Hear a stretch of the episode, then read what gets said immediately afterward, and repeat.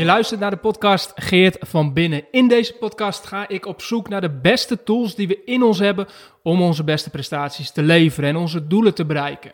En in deze specifieke serie ben ik op zoek naar ondernemers die extreme doelen voor zichzelf hebben gesteld en deze hebben bereikt. En in dat rijtje mag Alex van Ginneken niet ontbreken. Want hij heeft een immense prestatie geleverd. Hij heeft namelijk de finish gehaald van de zwaarste marathon ter wereld, de Marathon des Sables. En wat het zo zwaar maakt, is dat je tijdens dit event in zeven dagen 250 kilometer aflegt. Dat betekent dat je zeven dagen lang elke dag een marathon loopt en op één dag zelfs twee achter elkaar. En alsof dat nog niet genoeg is, moet je je voorstellen dat je dat doet onder extreme omstandigheden.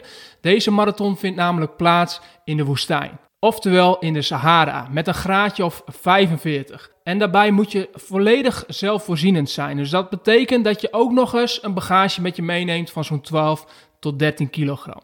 Allereerst ben ik benieuwd waarom Alex als ondernemer gekozen heeft voor dit extreme doel. Maar daarnaast ben ik ook benieuwd hoe je hierop voorbereidt. Wat de investering is van zo'n prestatie. En tenslotte ook wat het aller, aller, allerzwaarste moment was tijdens deze operatie. Je gaat het allemaal ontdekken in deze komende podcastaflevering. Hier is mijn gesprek met ondernemer Alex van Ginneken. Allereerst, uh, Alex, super dat je er bent en uh, welkom in de podcast. Dankjewel uh, Geert, fantastisch om uitgenodigd te worden voor, voor jouw podcast. Leuk. Hey, ik moest gisteren aan je denken toen ik de beelden zag van de marathon in Rotterdam. En zag ik onze stadsgenoten Arjen Robben ook over de finish komen. Ja. Helemaal kapot was die. Uh, ik had de indruk dat hij ook behoorlijk zelf onder de indruk was van, uh, van de prestatie die hij geleverd had. En dat hij echt wel zoiets had van: oké, dit is ook topsport. en ik, ik moest gelijk denken: van oké, respect. In één dag 42 kilometer afleggen. dat doe ik je niet zomaar na. maar toch is dat weer wat anders dan in 250 kilometer afleggen in zeven dagen. Dus wat ik me met name afvroeg, uh, Alex, is wat gaat er op zo'n moment door jouw hoofd? Hoe kijk jij naar zo'n prestatie als Arjen Robben daar aflegt? Hmm. Denk je bij jezelf, hmm, peanuts? nou ja, eh, kijk, hij, ik heb het gezien. Hij uh, heeft de marathon gelopen in 3 uur 13 dat is gewoon een hele nette tijd. Dat is gewoon een hele nette tijd, laten we voorop opstellen. En het was ook zijn eerste marathon, dat zag ik ook. Dus ik denk, nou, voor de eerste marathon gaat over finishen en niet per se de tijd. Dus ik denk dat hij daar gewoon een fantastische prestatie heeft neergezet. Als dit je eerste marathon is met die tijd, heb je gewoon top gedaan. Uh, dus dat vooropgesteld. En hij zei ook van, nou, ik heb echt wel respect voor iedereen die nu een marathon uitloopt. Uh, uitloopt want hij vond het toch wel heel erg pittig, vooral uh, de man met de hamer aan het einde. Dus, en ik ook, ik heb natuurlijk alle respect voor dat je zo'n nette tijd loopt en dat je eerste marathon is. En dus ik, ik, doe er zeker niet denigerend over. dus, dus nogmaals, knap gedaan. Absoluut, knappe prestatie. Nou, over prestaties gesproken, die heb jij ook uh, afgelegd. Uh, en uh, nou, wat we zeiden, dat is, dat is een, een iets wat uitgestrektere marathon over zeven dagen verspreid. Voordat we daarin duiken. En ik ben benieuwd of die man met de hamer waar jij het over had ook bij jou langs is gekomen destijds.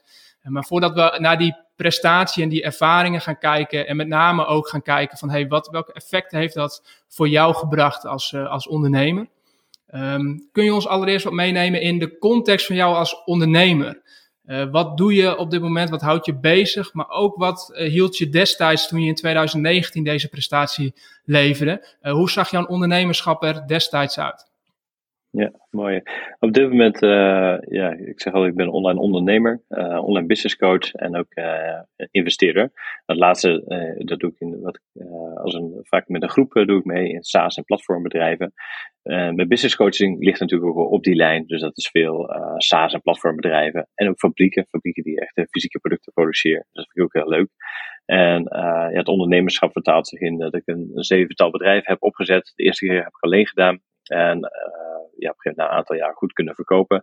En daarna ben ik meer gaan participeren en actief als participant mee gaan bouwen aan verschillende online ondernemingen. Dat heb ik ongeveer een uh, jaar 15 gedaan. En, uh, en op een gegeven moment begon ook de business coaching. Want mensen stelden me steeds meer vragen: hey, kun je mij ook helpen, et cetera. En ik merkte dat ik daar gewoon heel goed op ga. En het is voor mij nu een beetje alsof je ja, 25 uh, business tegelijkertijd hebt, zeg maar, waar je mee, mee, mee mag, bouwen. Dus dat vind ik erg leuk. En af en toe doe ik dus ook mee als, als investeerder. Dus als nu uh, perspectief van de marathon in die tijd in 2019. En toen was ik al, ja, de, vijf, laatste vijf, zes jaar, doe ik al veel business coaching. Dus dat deed ik eigenlijk toen ook al. Uh, en voor mij was het een beetje ja, het hebben van een, ja, een groot doel. wat mij enorm motiveerde om eens iets extreems te doen. Want ik had inderdaad een paar marathons gelopen. Toen dacht ik, ja, heb ik nu al gedaan. Wat, wat kan ik nu nog meer doen? En nou, zo kwam ik op pad van de marathon de Sables en ben ik daarvoor gaan trainen. In hoeverre is, uh, want dit gaat heel erg over het extreme doel stellen als een fysiek doel. Uh, in hoeverre uh, doe je dat ook als ondernemer? want wat ik wel merk is dat er verschillende manieren zijn volgens mij om je businesses te bouwen. Um, Eén soort ondernemer die gaat echt van stap tot stap en die bouwt gewoon steeds iets verder. en een andere strategie is meer van ik heb een einddoel, ik heb een visie en ik ga vanuit daar terugkijken en vervolgens bouwen. hoe, hoe, hoe, hoe werkt dat voor jou? Ja, dat is een eh, interessante vraag. Ik, ik, ik als persoon ben niet per se geschikt als uh, directeur van een groot bedrijf. En wat ik heel, uh, ja, ik voel me er zelfs bijna getraind in. Waar ik heel goed in ben, is van nul tot een bepaald omzetniveau te brengen. Bijvoorbeeld een miljoen of anderhalf miljoen. dat vind ik heel mooi, want dan mag alles nog, heb je minder structuur nodig en kan ik lekker bouwen, zeg maar. En ik zoek echt wel die structuur en ik weet dat structuur natuurlijk super belangrijk is om verder te groeien. Ik, eh, het ontwikkelen van een visie en strategie, daar, ga ik veel beter op. Uh, maar wanneer het gaat om uh, het invullen van structuur en het, de day-to-day runnen van de business die noodzakelijk is. Op het moment dat dat staat, dan doe ik de disappearing act. En dan verplaats ik mezelf eigenlijk naar de achtergrond. En dan probeer ik eigenlijk te verdwijnen. En dan blijf ik alleen nog maar beschikbaar, vaak voor mijn vennoten of businesspartners, op de achtergrond. wanneer er iets aan de hand is of wanneer ze iets nodig hebben uit mijn netwerk. dat kan het kan natuurlijk eh, professioneel talent zijn, kunnen klanten zijn, kunnen businesspartners zijn. Dus op het moment dat er iets nodig is, dan ben ik natuurlijk wel beschikbaar. Maar ik probeer op het moment dat de structuur staat van het bedrijf, eh, de Disappearing Act te staan, de Disappearing Act te doen. En dat stelt mij in staat, of stelde mij in staat om ook extreem te gaan in het aantal bedrijven waar ik toen ook in zat. Dus ik had ook iets van vijf bedrijven tegelijkertijd die allemaal aan het groeien waren. Uh, en dat kon alleen maar uh, ja, omdat ik op een gegeven moment niet meer in de day-to-day operatie nodig was. Dus gaf me dat ruimte om weer een nieuw business neer te zetten. Dus ja, het extreem gaan uh, is mij al, was al een beetje bekend, laat ik het zo zeggen. Daarmee schets je ook wel het beeld dat het voor jou mogelijk is om hard te kunnen trainen. omdat je tijd en ruimte hebt om je dagelijkse training te kunnen doen. En ik ben straks heel benieuwd hoe zo'n training en voorbereiding eruit ziet. Want uh, zo'n zo'n marathon loop je niet zomaar even. Ook al heb je er al een paar op je naam staan. Zo'n uitdaging daar uh, volgens mij vraagt dat om erg goede voorbereiding. Uh, dus daar ben ik, ben ik benieuwd naar. Hey, verdwijnen kun je niet als je marathon loopt in de, in de woestijn, in de Sahara. Dan kun je nog zoveel mensen om je heen verzamelen. Maar die moet je wel echt alleen doen. en, en, en daar kun je op niemand terugvallen. of in ieder geval, je kan niet verdwijnen. Anders dan is de prestatie niet gelukt. Ja. Ik kan me zo voorstellen dat de, de meest voor de hand liggende vraag jou enorm vaak gesteld is. En dat is natuurlijk waarom? waarom zou je zoiets doen als dit? En als ik daarnaar kijk, dan, dan gaat de waarom voor mij om uh, twee kanten die je kunt belichten. Uh, hè, allereerst zou je de waarom-vraag kunnen stellen: waarom überhaupt zo'n extreem doel najagen? Uh, en de tweede is: waarom specifiek dit doel? Hmm. Zou je ons mee willen nemen in dat eerste stuk? Waarom überhaupt kiezen voor een extreem doel? Ja. Ja, weet je, dat antwoord op die vraag waarom, weet je in ieder geval. Uh, die is heel moeilijk te beantwoorden als je eraan begint of als je dat ten doel hebt gesteld. En ook tijdens mijn trainingen en tijdens mijn voorbereiding is natuurlijk ook wel vaak die vraag gesteld. Maar die vraag is gewoon veel beter te beantwoorden eigenlijk achteraf. En, uh, en misschien was dat ook wel het interessante, uh, waarom ik het zo interessant vond. Uh, maar achteraf ehm, heb ik gewoon zoveel inzichten gekregen, die ik nooit had kunnen hebben als ik dat extreme niet, doel niet had gezet.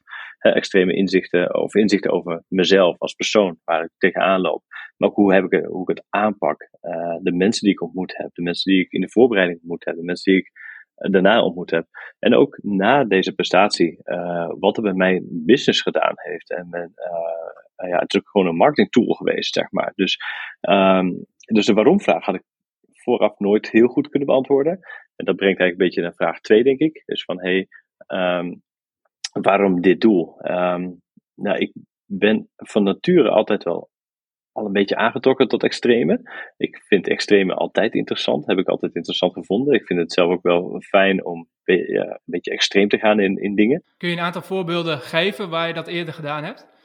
Nou, bijvoorbeeld dat, eh, zoals mensen bij mij al vroeger altijd al typeerden van, hé, hey, uh, jouw kaars brandt aan twee kanten. Weet je, ik, ik, had, ik ging en laat slapen en ik kon vroeg opstaan. Uh, ik, ik kon s'avonds ja, doortrekken en s ochtends om acht uur weer zijn, of eerder. Hè, ehm, ik, ik, kon op stap gaan en de volgende dag met een paar uur slaap gewoon even een heel stuk rennen, bijvoorbeeld, met een, van de run. Ik, ik, ik ben eigenlijk al ja, onvermoeibaar in die zin of zo. dus ik had altijd heel veel energie. Is dat dan gene?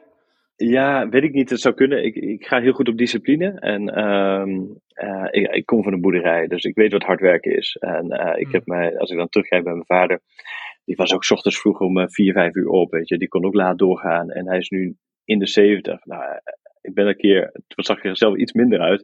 Toen vroeg iemand of dat mijn broer was, weet je wel. Dus hij, heeft, hij, heeft, hij is daar ook heel lang jong gebleven, zeg maar. En ik denk dat dat me wel, uh, misschien is het gene, misschien is het ook de opvoeding, ik weet het niet. Maar ik ben, mm. Ja, ik zit hoog in, ik heb veel energie, laat ik het zo zeggen. Het is wel mooi dat je leeftijd noemt, want het heeft, wel, het, het heeft vaak ook dan dat jeugdige energie, hè? dat jeugdige enthousiasme wat mogelijk uh, veel mensen naar op zoek zijn op den duur. Uh, zeker als het uh, tussen aanhalingstekens serieuzer wordt en je volwassen wordt en je meer verantwoordelijkheden hebt. het zoeken naar van hey, waar zit nu dat jeugdigheid en die energie en, dat, en, mm. het, en, en het gewoon kunnen gaan. Um, en, en, en blijkbaar vind jij dat, heb je dat altijd gehad ook richting extreme doelen en, en, en is dat dus ook iets wat blijft trekken aan je? Ja, misschien is het ook wel man eigen om zo lang mogelijk kind te willen blijven. Dat zou heel goed kunnen. maar uh, ik, ik heb wel altijd gemerkt door al die uitdagingen, door weer een bedrijf te beginnen, door weer gewoon even vanaf nul te kunnen beginnen met niks. Uh, door gewoon weer zijn studie te doen of door uh, een nieuw doel te stellen. Ik denk dat al die dingen je ook jong houden of zo. Hè? Ik, heb, ik, heb een enorme allergie voor eh, uh, vastlopen in dingen. Als ik weet waar ik naartoe ga, dan moet het weer veranderen, zeg maar. Dus ik, het geeft een heel onrustig patroon. Aan de andere kant ja, geeft mij dat wel, dat houdt me wel fris en, en licht of zo. Het zorgt wel voor dat ik steeds nieuwe dingen ervaar en leer. En dat is wel een hele grote driver voor mij. Nieuwe dingen leren en ervaren. Hmm. En, voel, en voel dat ik leef, denk ik. Dat past daar natuurlijk ook bij. Toen dit doel op je pad kwam, eh, wanneer kwam je op het punt dat je dacht, dit wil ik doen? Uh, het was begonnen eigenlijk met een seminar waar ik mocht spreken in Stockholm in 2013. En uh, toen uh, was ik daar een van de sprekers en er kwam een spreker na mij. En, of een van de spreker voor mij. En die had precies de Marathon de Sables gedaan. En die vertelde daarover. En ik weet nog wat het bij mij deed. Hij had verschillende boeken geschreven, had verschillende bedrijven opgezet. Oké, hij was een stuk ouder. En, en hij had de Marathon de Sables gelopen. En, en toen dacht ik, jeetje, wat ja, toen was ik echt zo bijna overtuigd, wat een prestatie, dat zou ik echt nooit kunnen, zeg maar. En, en toen voelde ik me, ik weet ook hoe ik me voelde. Ik, voelde nog dat ik het podium moest, ik, ja, wie ben ik nu, weet je wel? Een paar bedrijfjes opgestart, hartstikke leuk, maar ja, die kerel die heeft er zoveel extreme dingen gedaan. Ik, ik voelde me gewoon klein worden. En dat heeft me toen wel geraakt, maar het heeft me ook uitgedaagd. En, um, en toen ik in 2017 heel veel uh, dingen heb aangepakt in mijn leven, en, uh, daily habits, et cetera, Waardoor ik me steeds fitter begon te voelen. Ehm, en toen dacht ik op een gegeven moment, ja, misschien is het gewoon een tijd voor een grote uitdaging. En toen kwam dat weer naar boven. Inmiddels had ik ook een documentaire over gezien. Ja, het was gewoon blijven hangen. En ik was al aan het hardlopen. Dus ik liep al jaren hard. En uh, toen dacht ik, ja, is het wel een gaaf doen, denk ik. Dus uh, laat ik dat me... en, en, ook best wel snel heb ik gedacht, hé, hey, dat ga ik doen. En toen heb ik het op Facebook geklapt. Eh, van, hé, hey, dit is wat ik ga doen. Ja, en dan, dan, dan kun je niet meer terug. En dan gaat het ook gebeuren. Was dat ook de reden om het te delen? Om het op Facebook te klappen en het gewoon openbaar te maken? Ja, dat helpt voor mij wel. Dingen publiekelijk maken. Op het moment dat eigenlijk, ik heb het al besloten, maar op het moment dat ik het publiek maak, dan, uh, dan gaat het ook gebeuren. Hoe werd erop gereageerd? Nou, ik herinner me dat er echt nauwelijks op gereageerd werd. Dat was een onderdeel van een, uh, langer, uh, lang artikel. Maar dat, dat, je ziet altijd dat mensen denken, oh ja, leuk. Maar ze reageert pas als je het doet, hè? dus, uh, en ze houden je eraan als je het niet doet. ja, precies, zo werkt die. In het moment zeggen ze even niks, weet je wel? Omgeving is wel een belangrijke uh, factor in mijn ogen. En ben ik ook heel mm. benieuwd naar hoe, eh, vandaar de vraag ook, hey, hoe werd er op Facebook gereageerd? dat is mogelijk ook voor de mensen die wat verder afstonden. Maar hoe reageerde jouw binnenste kring op het moment dat mm. jij zegt van, nou, dit is wat ik wil gaan doen en ik ga ervoor? dat, is, dat is wel mooi, dat is interessant. Heel veel mensen, ja, nou, dat is Alex, dat is logisch. ja, en uh, natuurlijk vragen ze wel door van, ja, maar hoe, hoe ga je het dan aanpakken? Maar niemand had zoiets van, die, die jongen is op misschien wel gedacht hebben, hij is wel gek. Maar er was niemand die me daarvan af ging houden. En ik weet dat veel mensen die dat gedacht hebben, ook dachten van, ja, dat gaat toch niet werken. Dus ja, eigenlijk waren ze wel heel lang mee, denk ik. Ik denk dat heel veel mensen, ja, inclusief het thuisfront, dat zeiden van, nou oké, als je dat te doen hebt, dan, nou, dan nou, maak maar een plan en succes. Ja. Ah, dat klinkt wel als een omgeving die je in ieder geval stimuleert en je helpt om jezelf te kunnen blijven. Want op het moment dat ze je kennen en weten dat je die dat, dat extreme doel stelt, dan weten ze dus ook, oké, maar Alex gaat het ook doen. Die gaat het niet alleen benoemen of erover praten, maar de kans dat hij ook daadwerkelijk deze stap gaat zetten, uh, die is wel heel groot. En ik kan me tegelijkertijd voorstellen dat als jij zo'n, als jij zo'n keuze maakt, uh, dat je die ook deels voor je omgeving maakt. Want het betekent zeker ik denk dan voor je thuissituatie. Um, betekent dat wel wat. Kun je ons daar wat in meenemen? Als je kijkt naar de voorbereiding op zo'n prestatie en wat dat met zich meebrengt voor jou, maar ook voor jouw uh, directe omgeving? Ja, nou ja, kijk, als je de directe omgeving kijkt, dat was natuurlijk, ik, uh, ik heb in die tijd waren ze natuurlijk nog iets jonger, maar ik heb uh, twee kinderen, eentje van nu zes en eentje van negen, dus die waren toen ja, drie, vier en, en ehm, vijf, zes ongeveer. Kijk, en, en uh, voor de Marathon de Sabers heb je echt wel veel uh, training nodig. Uh, dus ik, ben, ik was al best wel veel aan het sporten met hardlopen en zo en de krachttraining.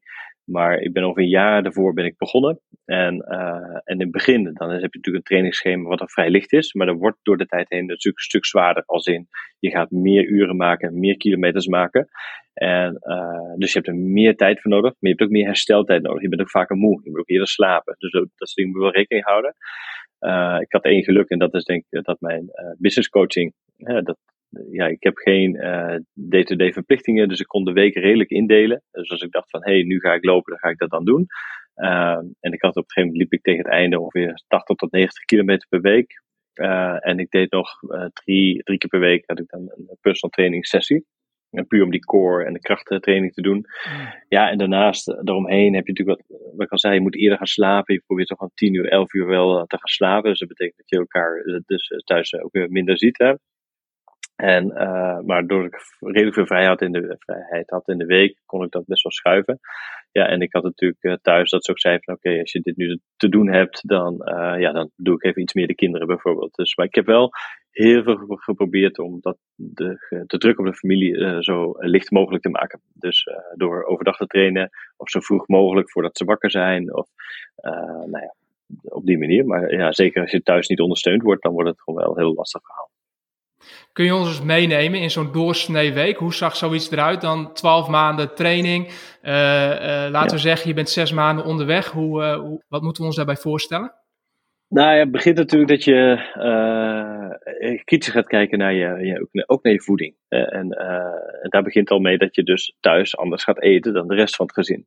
dus daar, daar moet je ook rekening mee houden. Het betekent dat je s ochtends nou ja, staat op met twee glazen water, je neemt een koude douche, je, je, ja, je eet vooral of, of niet. Hè. Dus dan ga ik eerst trainen en daarna eten. Dat, dat, ja, daar ga ik wel beter op. En dan uh, worden die voedingsproducten natuurlijk ook beter opgenomen door je, door je lichaam. Rond welk tijdstip ongeveer? Nou, dat, dat ligt echt per dag. Uh, dus, dus, soms dacht ik, hé, hey, ik heb nu zo'n drukke dag, ik kan niet overdag hardlopen. Dan ging ik gewoon om vier uur, vijf uur s ochtends hardlopen.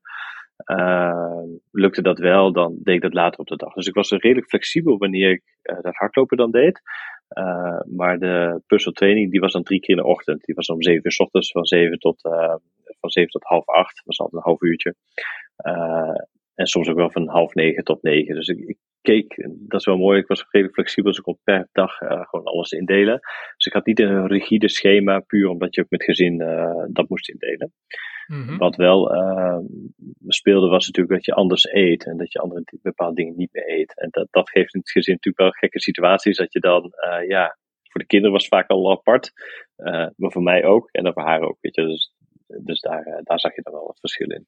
ja, en wat ik al eerder zei, als je eerder gaat slapen of meer rust nodig hebt, of, of een voorbeeld, hè, dan heb ik, had ik op zaterdagochtend een lange run staan, hè, van 30 kilometer.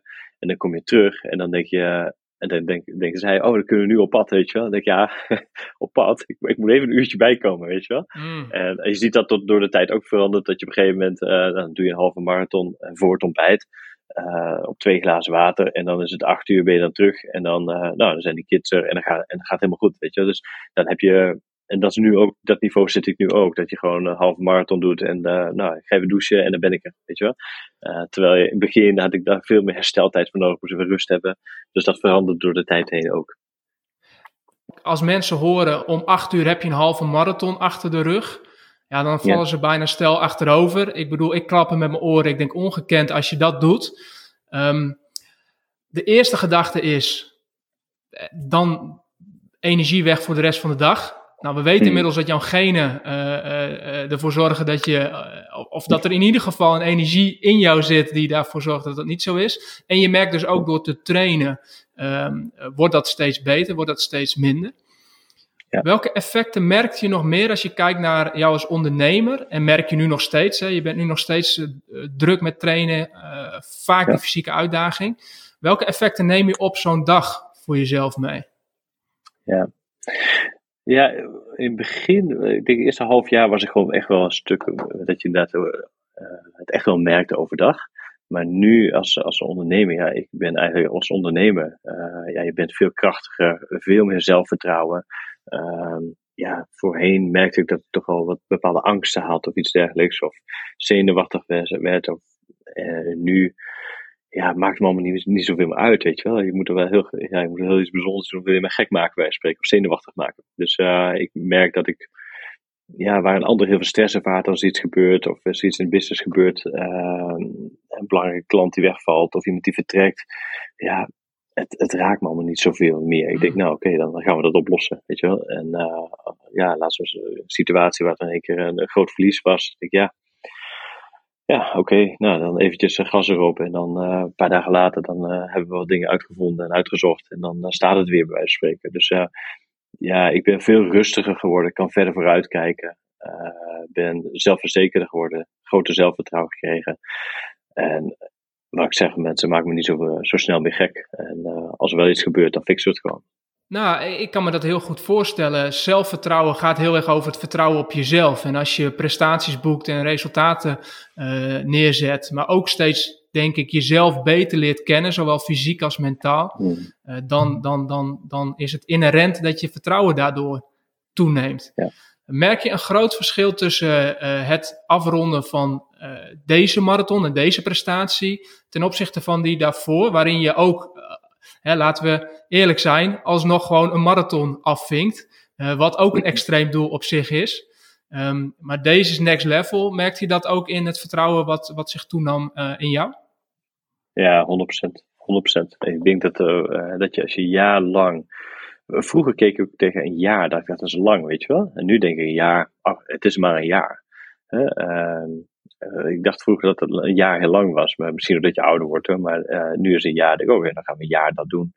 En dus uh, als iemand zegt ik ga een maand niet drinken, denk ik ja. Toen dacht ik ook van ja, dat ga ik gewoon een keer twaalf doen. Dat ga ik gewoon een jaar doen, weet je wel. Mm. En toen ik dat zei, toen dacht ik al, ja, waarom zou ik niet een decennia doen? Dus ik, ik word veel rustiger als ik denk, oké, okay, hey, iets wat voor iemand heel lang lijkt, daar, ja, eigenlijk ervaar ik dat nu anders. Dus ik ervaar grote tijdinvesteringen anders dan voorheen. Dus, en dat heeft me ook rustiger gemaakt. En uh, door het neerzetten van zo'n prestatie, het gaat eigenlijk natuurlijk niet om die medaille of zo, maar het is de weg er naartoe. En uh, waarbij je gewoon heel mooi hebt kunnen ervaren wat het heeft gedaan als je langdurig commitment geeft op één onderwerp en daar focus op zet.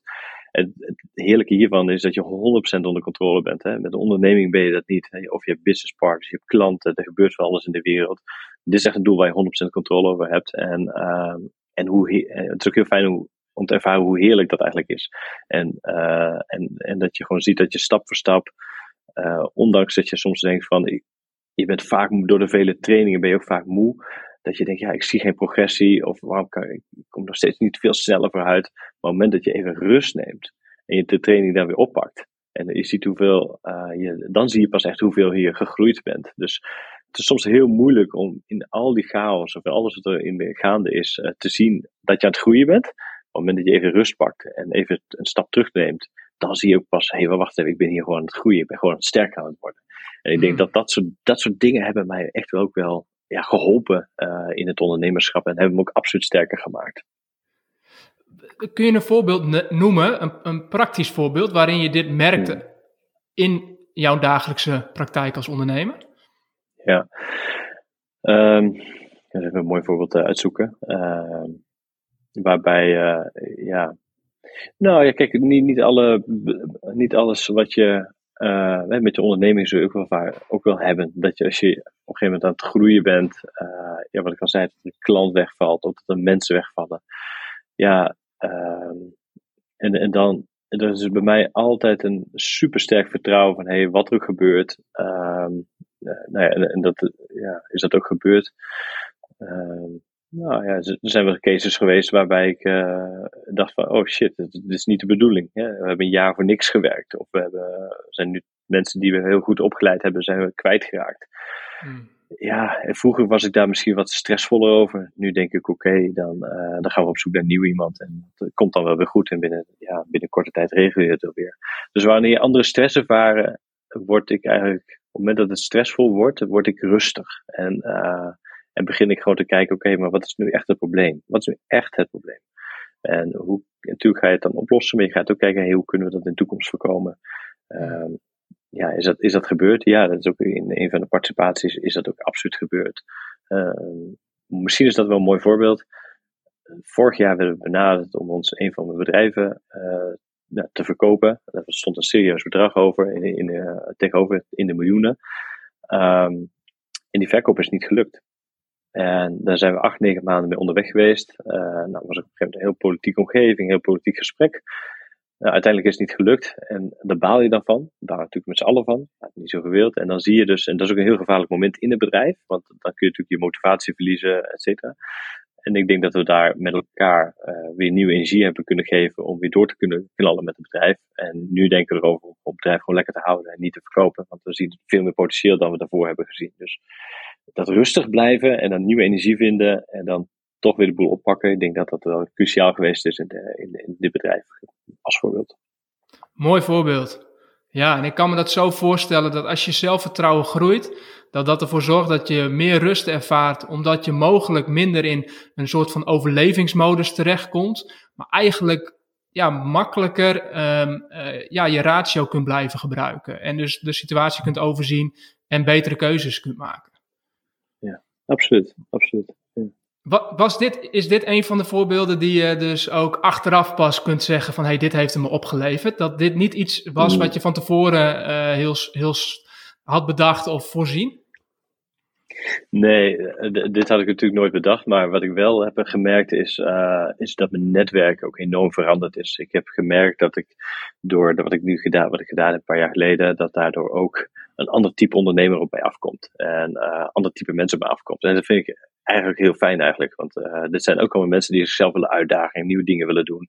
Uh, ja, en uiteindelijk, ook die prestatie heb ik aangepakt als een start-up. En dat is echt iets wat ik wil meegeven.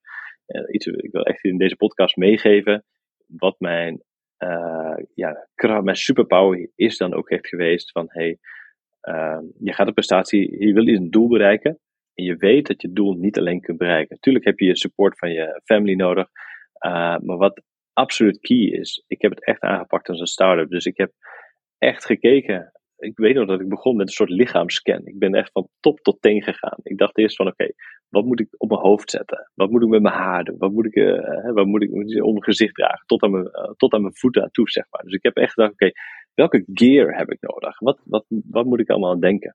Uh, dus toen ben ik gaan kijken, oké, ehm, welke mensen heb ik dus nodig? En dit is echt key. En eh, als, als heel veel start-ups en ondernemers, die zijn zo gefocust op ja, product moet goed en in marketing en alles zelf doen. Terwijl ik denk, oké, uh, ik, ik, ben echt van het uitbesteden. Ik ga eerst op zoek naar mensen die bijvoorbeeld voor zijn gegaan. Wie hebben dat nog meer gedaan, zo'n marathon? Uh, welke mensen kunnen mij helpen in het maken van de juiste training? Welke mensen kunnen wij sterker maken? Welke mensen kunnen wij met voeding helpen? En zo ben ik echt gaan kijken en ook in mijn netwerk gaan uitvragen. En er kwamen echt steengoede mensen op mijn pad. echt goede mensen die dus inderdaad eerder die prestatie hebben gelopen. Die konden heel veel tips geven. Een store die alle gear had die je nodig hebt om die prestatie te leveren. En ik heb ze gebeld. Ik zeg, ik, ze, zij zaten toen in tijd in, in, ergens in, Leiden, volgens mij, in die buurt. Ik heb ze gebeld. Ik zeg, ik, kom naar jullie toe, maar ik wil wel dat je alvast alle spullen klaarlegt die ik nodig heb. dus toen kwam ik daar en, en lag alles klaar. Dus, uh, en natuurlijk moest ik passen en een beetje tweaken. Um, ik had een voedingscoach. Een voedingscoach die op lange duur gespecialiseerd was. En gespecialiseerd is in het trainen van triatleten en mensen die Ironmans doen.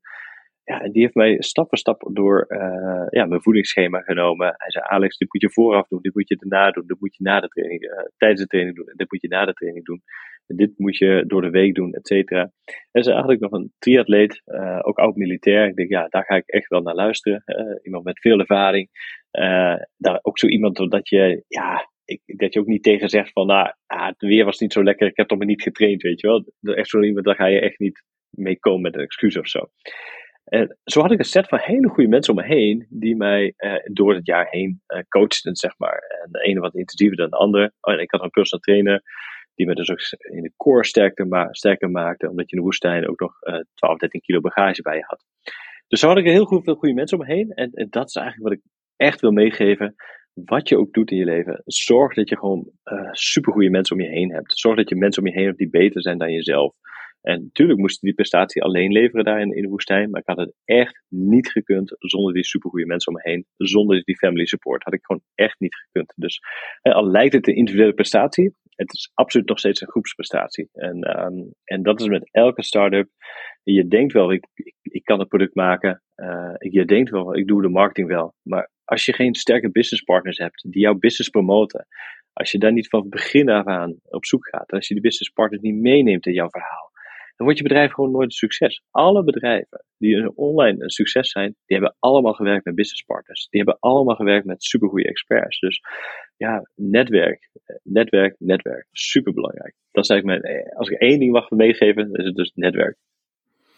Ja, heel mooi voorbeeld. Heel mooi. En uh, het is zo mooi dat je het noemt, omdat het inderdaad het beeld is van die eenzame marathonloper in een woestijn. Uh, wel met omringd door alle andere medelopers, maar voor de rest niet zien van hey, welk team zit erachter. Wie zijn eigenlijk de mensen die ook als het ware meelopen en ervoor zorgen dat je over de finish komt. Uh, jij ontvangt het applaus en de medaille, maar het is mooi dat je daarin benoemt van, en dat is denk ik inherent aan ondernemerschap. Er is, er is vaak het gezicht, degene die vooruitgeschoven is. Maar echt grote prestaties uh, bereik je niet in je eentje. En uh, mooi dat je dat zo benadrukt, Alex. Wat, wat, het nog bij mij oproept is um, dat als je kijkt naar dit doel, achteraf gezien kun je dus opmaken dat het je veel heeft opgeleverd. veel dingen die je van tevoren niet kunt bedenken, maar die je achteraf kunt zeggen van ja, dit, dit, dit, dit heeft het echt opgeleverd. Um, tegelijkertijd, zeker als je dat van tevoren niet kunt bedenken, um, heeft het ook een hoop investering gevraagd. Uh, want de voorbeelden die jij net nu noemt, dan, uh, dat gaat al over één, het investeren van je tijd.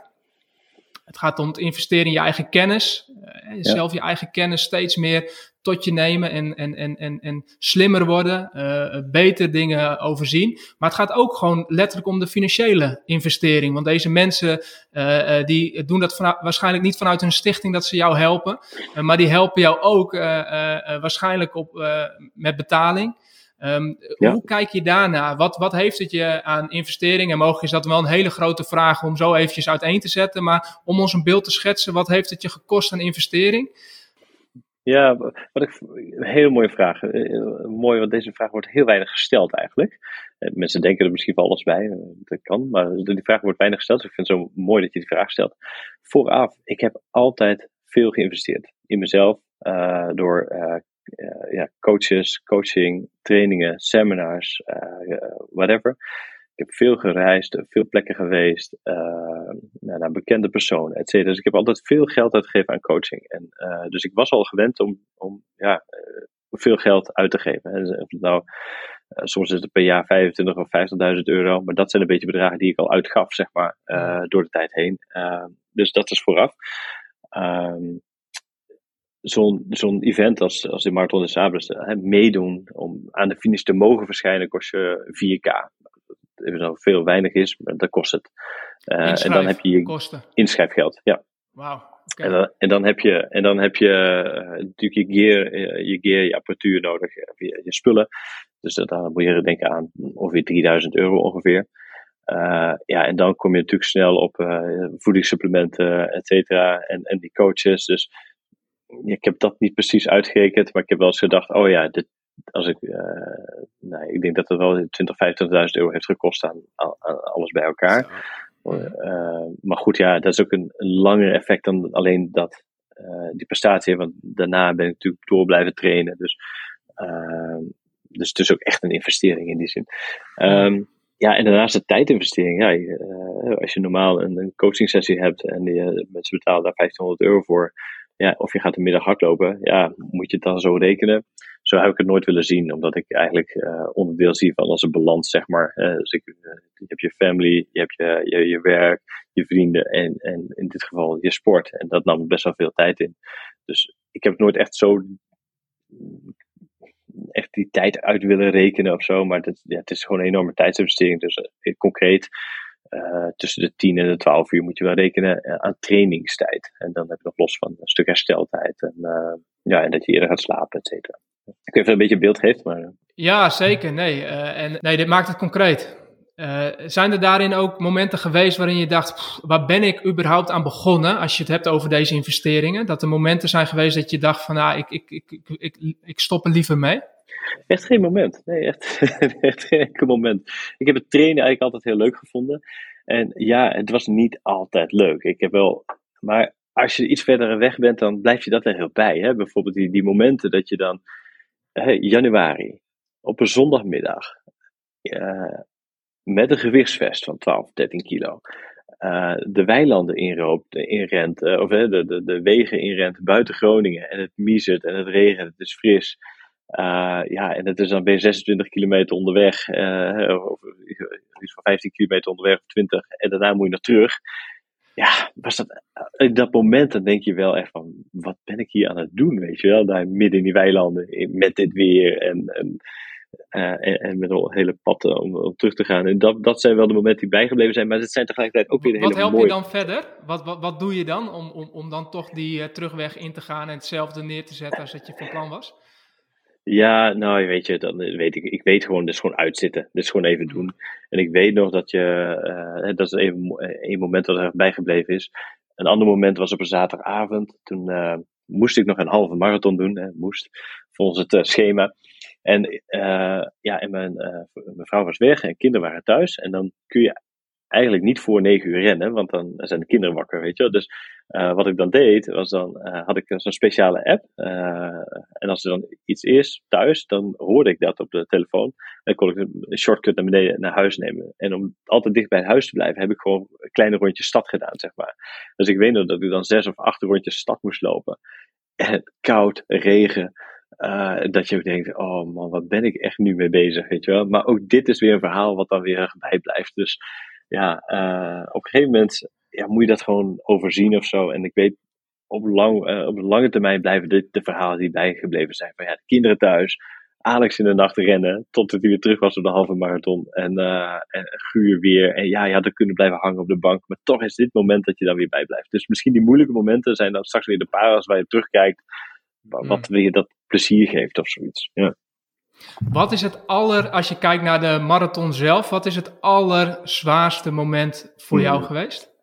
Ja, het zwaarste moment, één van die dagen is 80 kilometer. 80 kilometer, uh, ja, 45 graden, bepakking.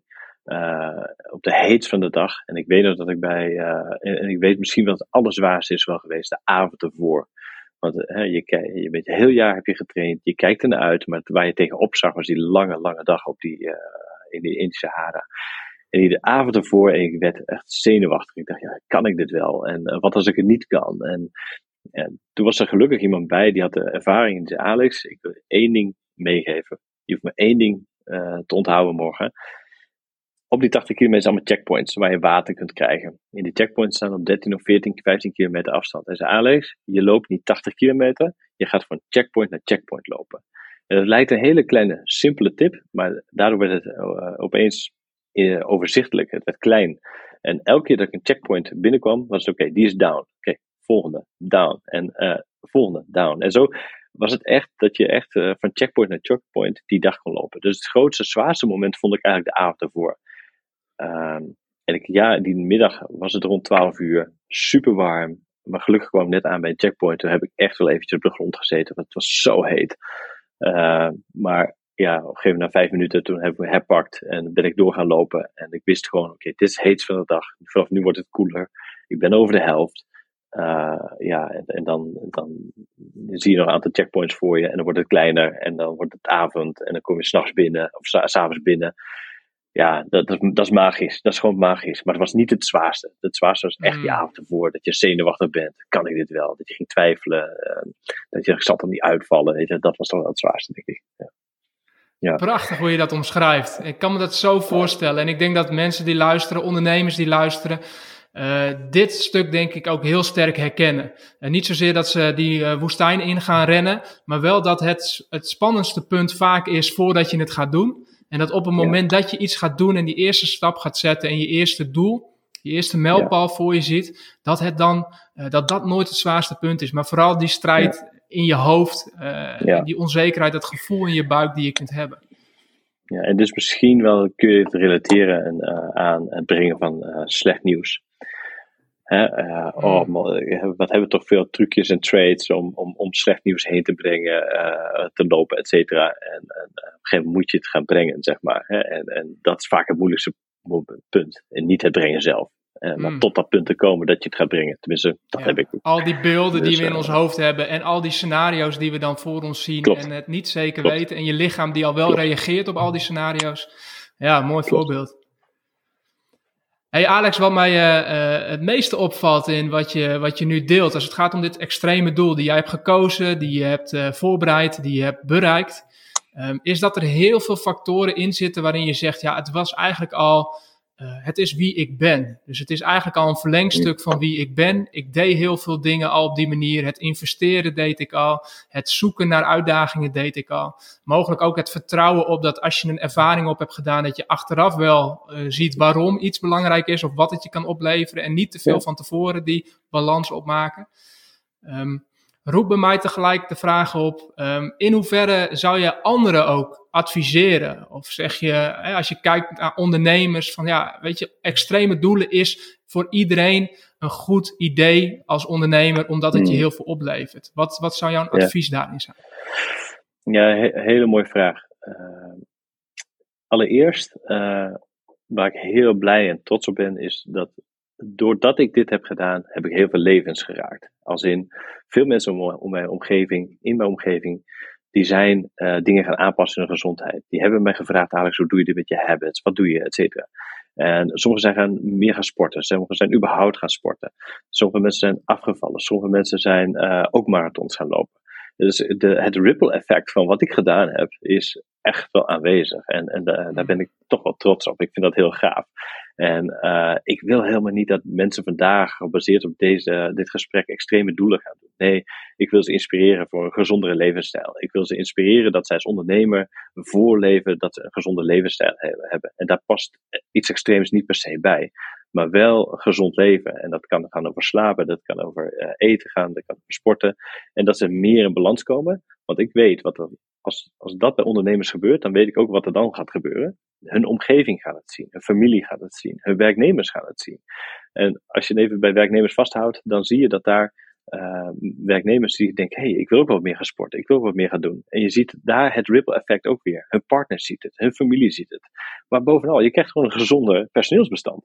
En uh, wat, er, wat er frisser bij zit, wat meer energie heeft, wat uh, meer rust krijgt, meer zelfvertrouwen. En voor mij is dat het mooiste cadeau wat je kan krijgen eh, binnen je onderneming, dat je een gezonde personeelsbestand krijgt. En ja, het hoeft voor mij niet per, se extreem te zijn. En uh, als je je wel aangetrokken voelt tot het extreme, of je wil, ja, of je misschien iets onderdeel van je marketing maakt, zoals ik dat een beetje heb gedaan, uh, maar of je wil echt nieuwe, diepere ervaring hebben, dan, dan past iets extreems bij je. Maar begin eerst maar eens gewoon een paar jaar gewoon lekker een gezonde levensstijl te hebben. En als je binnen je onderneming de ruimte hebt, dat je er niet meer day-to-day nodig bent, en je kunt de Disappearing Act doen. En je denkt, hé, hey, ik wil niet een nieuw bedrijf starten. Ik wil niet uh, meer in mijn familie uh, gaan doen. Maar ik wil even een keer een andere kant op. Dan dan, zou dat, dan zou het iets kunnen zijn om, om te doen. Maar het is absoluut niet iets wat ik iedereen adviseer. Hey, er is nog één ding wat mij triggert en wat je nu twee keer wat genoemd hebt. Uh, als het gaat over het ripple effect, dan is dat je mm. marketing en je branding. Ja. En, en, daarmee geef je aan van ja, het is ook een bewuste inzet geweest om zoiets extreems te doen, ook voor mijn marketing. Kun je ons daar wat in meenemen hoe, dat, uh, hoe jij daarover dacht en ook hoe, het zich heeft, hoe dat heeft uitgepakt? Ja, als ik, dat is een beetje achter, wijsheid achteraf hoor. Uh, had, ik dat vooraf had ik dat beter kunnen aanpakken. Maar ik weet nog dat ik uh, de Marathon de Sabels, ik was onderweg naar uh, daar naartoe en toen werd ik gebeld door een lokaal tv-station. En, uh, of ze niet live mee konden maken bij de start. En toen dacht ik, ja, daar heb ik nu echt even geen zin in hoor. Ik wil gewoon focus. En, maar ik zei wat ik wel wil doen. Ik zeg, ik wil wel in de studio komen nadat ik hem heb gelopen. Dus binnen 24 uur dat ik terug was, zat ik in de studio. En uh, het was een heel leuk interview geworden. En die video is ook echt wel viraal gegaan. Ik heb het natuurlijk op LinkedIn gezet.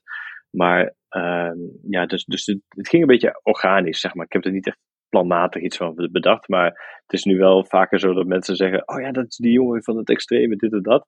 Oh ja, en hij doet business coaching, weet je wel? Of oh ja, en hij is ondernemer. Dus ik heb er een beetje dat ik denk: moet ik niet te veel dat worden, zeg maar. Um, maar uh, het heeft mij wel, uh, ja, als, als coach ook enorm uh, gegroeid, gegroeid daarin. En, en dat er een marketing effect is, had, had ik niet zo bedacht, maar dat heb ik zeker wel gedaan. Ja, die opportunity lag er ook. Ja. Dat snap ik. En dat snapt elke ondernemer die meeluistert en die denkt, ja, weet je, je zet jezelf wel met een bepaalde prestatie op de kaart. En, uh, en het is mooi als dat elkaar kan versterken. Uh, naast het gegeven wat je net zegt, van ja, do door zo'n voorbeeld gedrag kun je anderen inspireren en is dat ook de impact die je, die je dan maakt. Ja. Hey, tot slot, uh, de vraag die natuurlijk ook op iedereen zich afvraagt als je zoiets afgevinkt hebt als wat jij afgevinkt hebt. Um, what's next? Ja, wat, nu hè? ja, wat nu? ja. want, nou, dit is wel de zwaarste, dus volgens mij heb je daar niet zo heel veel uh, opties meer daarna. Maar hoe werkt dat bij jou en wat, wat, waar, waar, ben je nu op gericht? Nou, dit is ook wederom weer een mooie vraag, Geert. Want het is echt één advies. Als je voor het einde van je extreme doel moet je eigenlijk wel weer een volgend doel hebben. Dat heb ik niet goed hmm. gedaan. Dus ik heb echt wel een tijd ermee gelopen. Ja, wat zou ik nou eens doen dan? En uh, uh, uiteindelijk, toen kwam natuurlijk ook COVID. En uh, wat ik toen gedaan heb is, ehm, ja, ik ben vorig jaar gestart met door alle straten van de gemeente Groningen lopen met behulp van de City Strides app. Nou, ik zit nu, gisteren weer een stuk gedaan. Ik zit nu nog, ik moet nog iets van 26% ongeveer. Het is een hele leuke manier om je eigen omgeving te leren kennen. Zeker in de tijd dat er geen echte events waren. Dus ik heb nog een klein stukje te gaan. Maar mijn droom is wel, omdat mensen inderdaad vaak vragen: is dit nu echt de zwaarste marathon? Nee, de, ja, er is nog een andere die wordt ook benoemd als de zwaarste. Maar die zit iets anders in elkaar. En dat is de Badwater. En uh, die, uh, ja, dat, die gebeurt, dat is in Amerika. Uh, is enorm zwaar door de enorme hitteverschillen en hoogteverschillen. Uh, maar ik heb nog wel ambitie om die een keer te doen, maar daarvoor moet ik wel qualifyen. En daarvoor moet ik uh, in ieder geval nog twee keer of drie keer een 100 mile hebben gedaan in één keer. Dus dan word ik echt een ultraloper. Uh, dus, dus mijn droom is om die nog te doen. En dan is ook de discussie klaar. Alex, heb je ook echt de zwaarste gedaan? Ja, ik heb de twee zwaarste gedaan. dus, exact. Uh, Bad Water klinkt wel als een totaal andere omstandigheden waar je dan uh, in terecht komt. Klopt. Klopt. Ja, het is echt een ultraloop die je in, in één keer doet. En terwijl uh, de Marathon Sables is in verschillende stages, zeg maar. En uh, waar de Marathon Sables in Sahara is met zand, heb je dan ook nog een stuk, uh, ja, daar ren je gewoon over de weg. En wat ik zei, daar heb je temperatuurverschillen en hoogteverschillen. En het is in één run, zeg maar, die je dan doet. Maar goed, dat is, dat is voor het vervolg. Ja. Een mooi vervolg, mooi doel en een mooie droom. Uh, als we dat willen volgen, überhaupt, uh, als we willen kunnen zien, als jij weer eens wat op Facebook gooit, wat je destijds in 2019 deed. Uh, social media ontwikkelt zich, dus mogelijk zijn er andere platformen of platformen waar jij actief op bent of waar het leuk is om je te blijven volgen en te kijken wat, wat jouw volgende stap is. Waar kunnen we je in de gaten houden? Ja, het beste is uh, LinkedIn. Dus gewoon Alex van Ginneken en uh, opzoeken op LinkedIn en uh, connecten. En dan stuur gewoon nog rustig een berichtje. Ehm, en als je wat meer visuals erbij wilt, dan zou ik het account Ginneken opzoeken op Instagram. En kun je hem gewoon in de stories of op de foto's gewoon volgen. Tof. Gaan we doen. En ik ga mijn ogen open houden hier in de straten van Groningen om te kijken of ik je hier en daar kan spotten. Rondrennen door de straten. Succes met die laatste 26 procent. En bedankt voor dit gesprek, Alex, en je inzichten die, die je met ons gedeeld hebt. Inspirerend. Dankjewel, Geert. Geweldig, geweldig. Dankjewel voor je uitnodiging. Superleuk. En succes.